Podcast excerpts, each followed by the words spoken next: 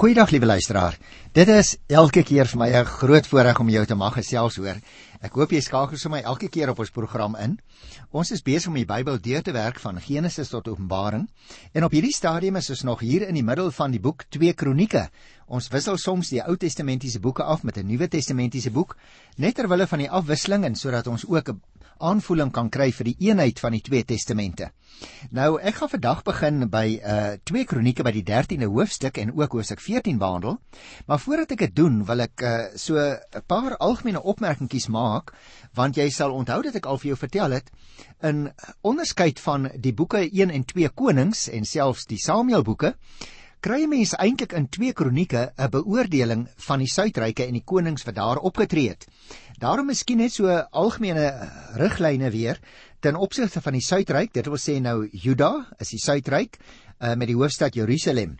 En as interessant is 'n mens in die geskiedenis blaai, dan kom jy agter vir die eerste 2 eeue van die bestaan van die suidryk konstitueer deur die state Juda en Jerusalem wat as ek dit so mag noem, in soort van 'n persoonlike unie saamgebind is rondom die persoon van Dawid, was die geskiedenis van die Suidryk baie nou verweef met die van die Noordryk. Dit kon natuurlik nie anders nie hoor, want hulle was nie net buurstate nie, maar ook tesame lede van die verbondsvolk van die Here. In beginsel is dit dus die geskiedenis van die een volk en die finale redakteur van die boeke Konings en die sogenaamde skeuring van die ryk van Dawid na Salomo se dood nie as 'n historiese breuk in die geskiedenis van die verbondsvolk beskou nie. Die geskiedenis van die twee ryke is dan ook in 'n sekere opsig as 'n een eenheid behandel tydens die eerste 2 eeue waarin hulle naas mekaar bestaan het en die van die een is steeds aan die van die ander gekoppel deur bepaalde kronologiese verwysings. Ek dink ons moet ook net vir mekaar weer 'n keertjie sê, dit is verder baie opvallend dat die Benjamin stam uit wie se geleedere Saul gekom het en wat nogal baie sterk anti-Davidiese gevoelens getoon het, lojaal aan die Dawidsdinastie gebly het en hulle nie by die noordelike ryk geskaar het nie. As ons dus besig is nou met die boek 2 Kronieke, dan moet jy 'n gedagte hou. Dit is 'n boek wat geskryf is juis met die oog op die suidelike koninkryk hoofsaaklik. Daarom kry 'n mens wel verwysings na sekere gebeurtenisse en raakpunte soos ek nou net probeer verduidelik by die Noordryk, maar dit gaan in beide 1 en 2 Kronieke eintlik oor die verhaal van die Suidryk.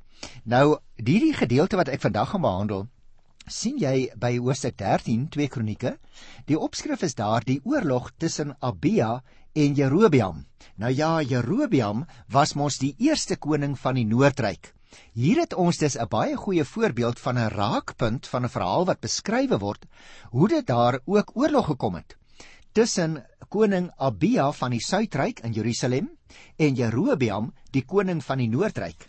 Nou voordat ek die hoofstuk behandel wil ek ook nog net so vir jou so 'n uh, kort ietsie vertel van hierdie Abia. Jy sal sien as ons dit nou nou gaan uh, bespreek dat koning Abia se ma se naam was Micha. Uh in die Hebreëus klink dit 'n uh, bietjie meer soos Michaia. En interessant, sy was die dogter van Abisalom. Dit weet ons uit 1 Konings 15 by die tweede vers. Sy moes dus, liewe luisteraars, en dis interessant, né? Sy moes dus 'n kleindogter van die bekende Absalom, die seun van Dawid, gewees het. Nou is dit ook vir my interessant, Abia het gewandel in al die sondes van sy vader Rahabiam wat na Salomo se dood op die troon gekom het in Jerusalem. Interessant ook, hierdie Abia het 14 vroue gehad, 22 seuns en 16 dogters by die klomp vrouens. Hy het net 3 jaar geregeer en toe daarna is hy deur Asa opgevolg. Nou as ons daar kom, gaan ek weer vir jou so ietsie daarvan vertel, maar ek wil nou eers so 'n paar algemene opmerkings maak oor hierdie 13de hoofstuk. Want jy sien, konings en kronieke beoordeel Abia op verskillende maniere. Hy het regeer so ongeveer in die jaar 907 tot 906 as jy dit bymekaar tel amper 3 jaar. Die boek Konings sê dat hy nie so getrou was aan die Here soos sy voorvader Dawid nie. Gaan kyk maar in 1 Konings 15 die eerste 8 verse. Maar nou is ons mos nou besig met die boek Kronieke. En jy sien kronieke konsentreer op die veldslag tussen Abia en Jerobeam van die Noordryk. Abia het maar net die helfte soveel soldate as Jerobeam gehad. Hy was selfs in 'n hinderlaag gelê. Ons gaan dit nou nou lees. Maar Abia en die manskappe van Juda het op die Here vertrou. En dit is mos die aspek wat telkens na vore kom, want die kroniekskrywer beoordeel altyd die sukses van 'n koning nie so seer aan sy militêre mag nie, maar aan die vraag of hy die Here gedien het of nie. En hierdie man Abia het in elk geval by die aanvang van sy ryk op die Here vertrou.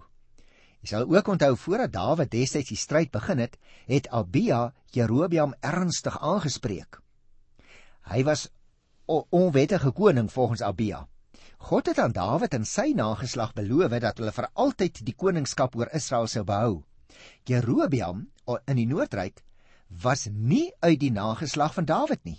Hy was dus eintlik volgens Abia besig om teen God en die koning wat deur die Here verkies is in Jerusalem oorlog te maak. Maar goed, kom ons kyk dadelik na die eerste 2 verse hier by 2 Kronieke, die 13de hoofstuk. In die 18de regeringsjaar van koning Jerobeam het Abia koning oor Juda geword. En hy het 3 jaar in Jerusalem geregeer. Sy naam was Micha, 'n dogter van Uriel uit Gibea. Jy sal nog onthou Gibea was die bekende stad in die uh, uh tyd van koning Saul. Daar het 'n oorlog tussen Abia en Jerobeam uitgebreek, sê die tweede vers. Nou liewe luisteraar, die eerste opvallende verskil tussen die boek Konings en Kronieke kom voor waar verwys word na Abia se ma. Jy sal onthou volgens Hoofstuk 11 vers 20 tot 22 was sy ook daar genoem Maaka die dogter van Abisalom.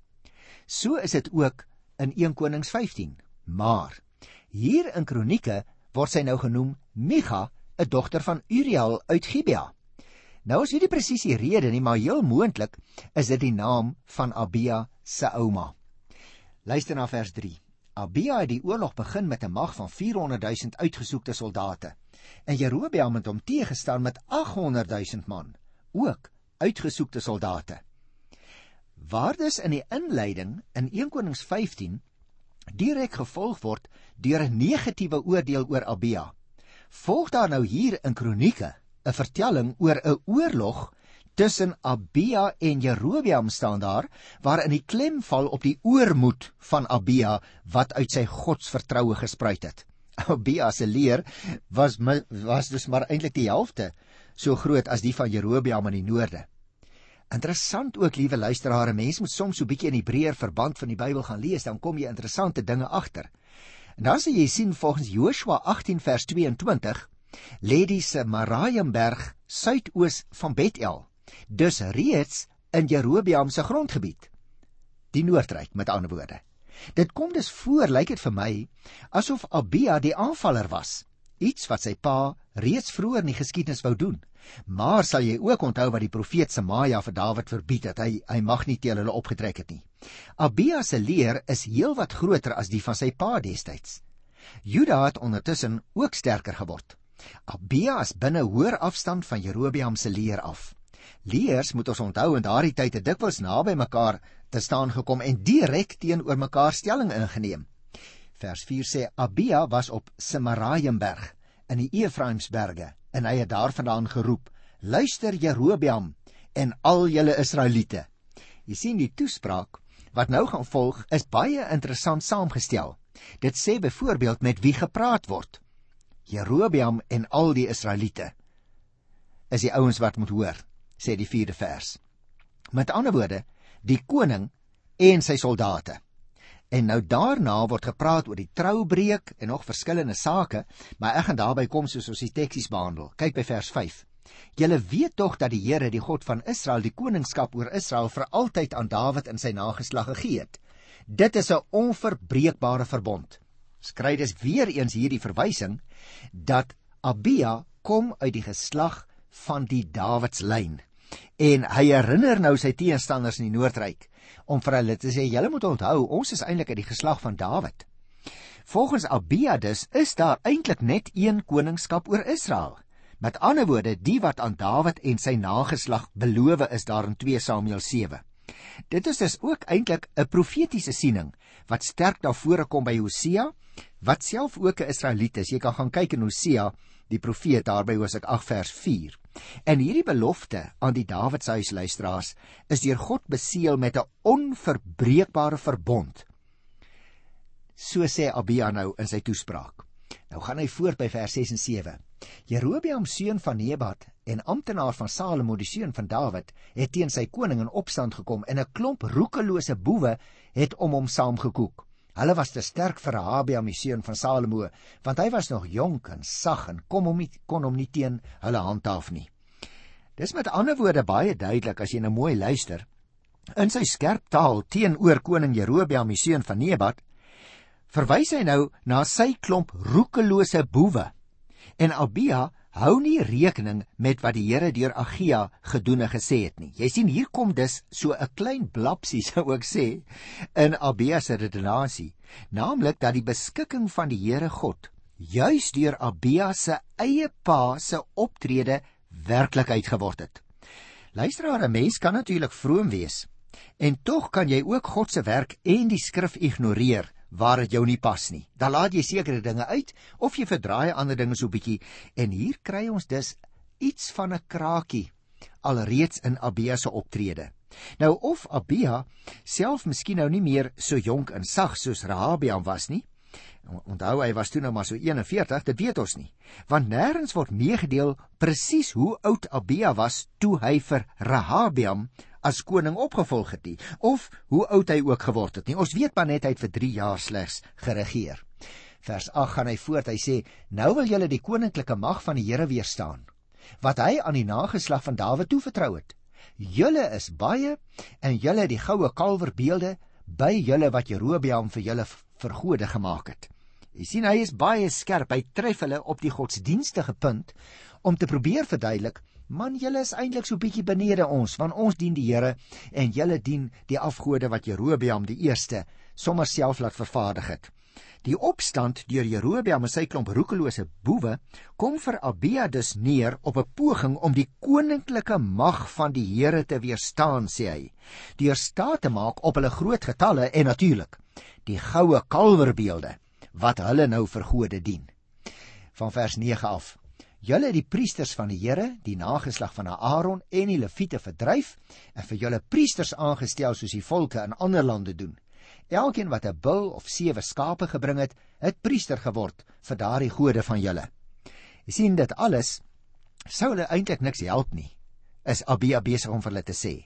Dit het hulle eintlik nog verder gesleep op die pad van ondergang, want hulle die priesterdiens en die priesterwyding soos die Here gereël is, daar in Levitikus 8 en Numeri 8, dit het hulle heeltemal geïgnoreer. En daarmee, sê Abia nou, het hulle soos die ander volke in die ander lande geword. Met ander woorde, daardie afgode van julle klink daar nie net spot in nie hoor, maar ook 'n duidelike uitspraak dat hulle nie vergelyk kan word met die Here ons God, sê Abia nie. Aan wie Abia en sy sy mense tot op hierdie stadium in elk geval nog getrou gebly het met die priesters en die leviete wat deur die Here gekies is vir sy diens, dien Juda die Here, net soos hy destyds vir Moses gesê het. Jerobeam het dus geprobeer om die indruk te skep dat hy die Here dien, maar Abia ontken dat die kalverdiens diens aan die Here is. Jy sien luisteraars, ons hoor dis hier duidelik die stem van 'n suiderling uit Jerusalem in die omgewing van die tempel. Nou moet ons onthou, die mense in die Noordryk het juis neergekyk onder andere om hierdie rede op die Judeërs. As ek nou uh, vers 10 tot 20 gaan behandel, wil ek ook net eers ietsie verduidelik. Want ons moet onthou Abia het ook Jerobeam se standaarde vir die keuse van priesters gekritiseer, soos ons nou net gehoor het. Hy het die priesters van die Here verdryf en sommer enige een as priester begin aanstel. In Juda daarenteen in die suidryk is die priesters aangestel uit die nageslag van Aaron soos die Here dit destyds beveel het. In Juda word die Here dus gedien op die regte manier. By Jerobeam, so sê Abia nou, in die noordelike ryk, het hulle die Here verlaat en agter afgode begin aanloop. Omdat Abia en Juda op die Here se hulp staat gemaak het, het hulle uiteindelik die veldslag gewen. Nou kyk, kom ons kyk so bietjie na hierdie veldslag. En ek lees vers 10 tot 12. Ons dien die Here ons God. Ons het hom nie verlaat nie. Die priesters wat die diens van die Here verrig, is uit die geslag van Aaron en die leviete staan hulle by. Hulle bring elke môre en elke maand vir die Here brandoffers. En dan sien jy, as jy die teks sou lees, hoe dat Abia vir hierdie mense vertel, ons bly getrou aan die voorskrifte van die Here. Met ander woorde, teenoor die afgode waarop Jerobeam in die noorde steun, staan die Here eintlik as die leier van Juda. Dit is wat Abia besig is om te sê. Dit word dus uiteindelik wat ons vandag sou noem 'n heilige oorlog. Want as jy dit gaan lees, dan sal jy sien die priesters blaas die trompette. En wie aan die ander kant veg, veg teen die Here, so sê Abia vir hulle. Vers 13 tot 16. Jerobeam het van sy manskappe om die linies van Juda gestuur om 'n hinderlaag agter hulle op te stel. Daar was dus 'n hinderlaag agter die Judeërs en Jerobeam en die ander troepe was voor hulle. Toe die Judeërs omkyk en sien hulle word van voor en van agter bedreig, het hulle na die Here om hulp geroep en die priesters het die trompette geblaas. Die manskappe van Juda het die oorlogskreet aangehef en God het Jerobeam en die hele Israel 'n neerlaag laat lei teen Abia en Juda. Die Israeliete het vir Juda gevlug, want God het Israel in die mag van Juda oorgegee. Jy sien dus ten spyte van die hinderlaag deur Jerobeam word die Noordryk verslaan. Die Here het sy leer verslaan, want die Judeërs, so staan daar, het na die Here om hulp geroep. Met die oorlogskreet tussen hakies en die blaas van die trompette word daar dan verwarring onder die vyand gesaai en praat die vegters hulle self ook moed in. Maar die kronikus, moet jy oplet luisteraar, bely eerlik. God het die vyand 'n nederlaag laat lei en hom in die mag van Juda oorgegee. Met ander woorde, ons sien hierdie perspektief waarvan ek jou nou al 'n paar keer vertel het hier baie duidelik na vore kom. Die kronikus beoordeel Abia se optrede en sy sukses vanweë die feit dat hy en sy manskappe op die Here vertrou het. En nou liewe luisteraar, sal jy sien die volgende kort perikoop handel oor die dood van Abia. Die 21ste versie sê Abia se mag het toegeneem. Hy het 14 vrouens gehad, was die pa van 22 seuns en 16 dogters. Nou ek het dit net nou ook vir jou vertel, maar ek dink wat van belang is om nou op te merk by die teks is waar Jerobeam nie sy mag kon herwin nie. Sê die 21ste vers vir ons, het die mag van Abia toegeneem, net soos die mag van Saul en Dawid destyds daar in 1 Samuel. As voorbeeld van Abia se mag word nou verwys na sy baie vrouens en sy kinders, want dit is natuurlik in Bybelse tye gesien as 'n teken van die seën van die Here. Vers 22 sê vir ons die res van die verhale oor Abia wat hy gedoen en gesê het, is opgeteken in die kommentaar van die profeet Ido. Nou dit het ongelukkig vir ons verlore gegaan. Ons uh, ken nie daardie verhale nie, uh, soos weet jy presies wat daarin staan nie. En hierdie afdelingkie sluit eintlik dan af deur 'n opmerking deur die kronikus in Hoofstuk 14 vers 1. Abia is oorlede en hy is begrawe in die familiegraf in die Dawidstad. Sy seun Asa het hom as koning opgevolg en in dise tyd het die land 10 jaar lank vrede gehad. Met ander woorde, sy seun Asa volg hom op. So lees ons, maar ek wil vir jou eers so ietsie van hierdie Asa vertel. Want liewe luisteraar, wanneer 'n mens in gevaar kom en dan optree asof jy geen God het nie, dan is dit verby met jou hoor. In ons tyd is dit ook maar so. Dan begin jy rondgryp na allerlei planne wat jy maak. Maar eintlik help dit niks nie. Die mens wat op God vertrou, luisteraar, weet waar sy hulp vandaan kom. Hy soek sy raad by God en hy verrig die daad waartoe die Here hom help. Dit is die belangrikste les dink ek wat ons sal sien uit die lewe van Asa wat nou sy pa Abia opvolg. Nou vir my baie interessant as jy die verhale van hom lees, want ek gaan nie alles uh, lees nie, ek gaan eers vir jou oorsig gee. Toe Asa uh, kort nadat hy koning geword het, teen die Kusite te staan kom, kom dit baie gou duidelik dat hy nie net sou wen nie. Hy het besef hoe afhanklik hy van God was. Hy het op die Here staat gemaak en God het aan hom die oorwinning gegee. En na daardie oorwinning, liewe luisteraar, het die Here se belofte en vrede die koning en natuurlik die volk ook daartoe gebring om vir baie jare aan die Here gehoorsaam te wees. Asa sou egter gou-gou voor 'n baie groter toets te staan kom. Na jare van onmin tussen Asa en koning Baesa van Israel, het daar 'n lelike wending gekom. Baesa, die koning van die noordelike ryk op daardie stadium, het 'n vesting gebou wat nie net die vrede in in Juda bedreig het nie, maar ook sy eie ekonomie. Asa het nou sonder God begin optree. Hy het gedink dat hy 'n oplossing vir die probleem gehad het. Hy het vir koning Ben-Hadad van Aram met geld omgekoop om sy verdrag met Baesa te verbreek. Die plan het nogal gewerk, hoor, maar dit was nie wat God wou gehad het nie. Die Here het toe die profeet Ganani na Asa toe gestuur om met hom te praat oor wat hy gedoen het. Asa was woedend en hy het sommer vir Ganani in die tronk gelaat gooi, die arme ou profeet, né? Hy het begin om sy woede op die mense uit te haal en ek dink dit moet ons raak sien in die verhaal. Hy het dus die vermaaning verwerp. Hy het geweier om hom langer voor God te verootmoedig. En Asa se grootste mislukking uiteindelik het daarin gelê dat hy gedink het dat hy sonder God kan klaarkom. Sy hoogmoed het uiteindelik tot sy verwerping deur sy mense gelei. Uiteindelik sal hy sterf in oneer aan 'n dodelike siekte. Miskien moet jy en ek ook iets daaruit leer. Want jy sien, wanneer probleme sonder die Here aangepak word, probeer ons teen die stroom inroei met skynoplossings wat ons nêrens gaan bring nie hoor. Dit is maar net in God se lig dat ons die lig sal sien. Is dit nie so nie? Die Bybel is vir vandag nog net so ter sake en aktueel soos destyds, liewe luisteraars. Sonder die Here is ons gedoem tot sonde en mislukking. Daarom roep die Bybel ons ook op deur hierdie verhale dink ek om vir ons te sê hou op om te weier om te erken dat jy as gevolg van jou sonde misluk het want dan sal jy aanhou rasionaliseer en nie uit jou eie foute leer nie. Liewer erken dat jy sonder God tot niks blywens in staat is nie. Daarom sê Paulus ook in sy brief aan die Filippense: Ek is tot alles in staat deur Christus wat my krag gee.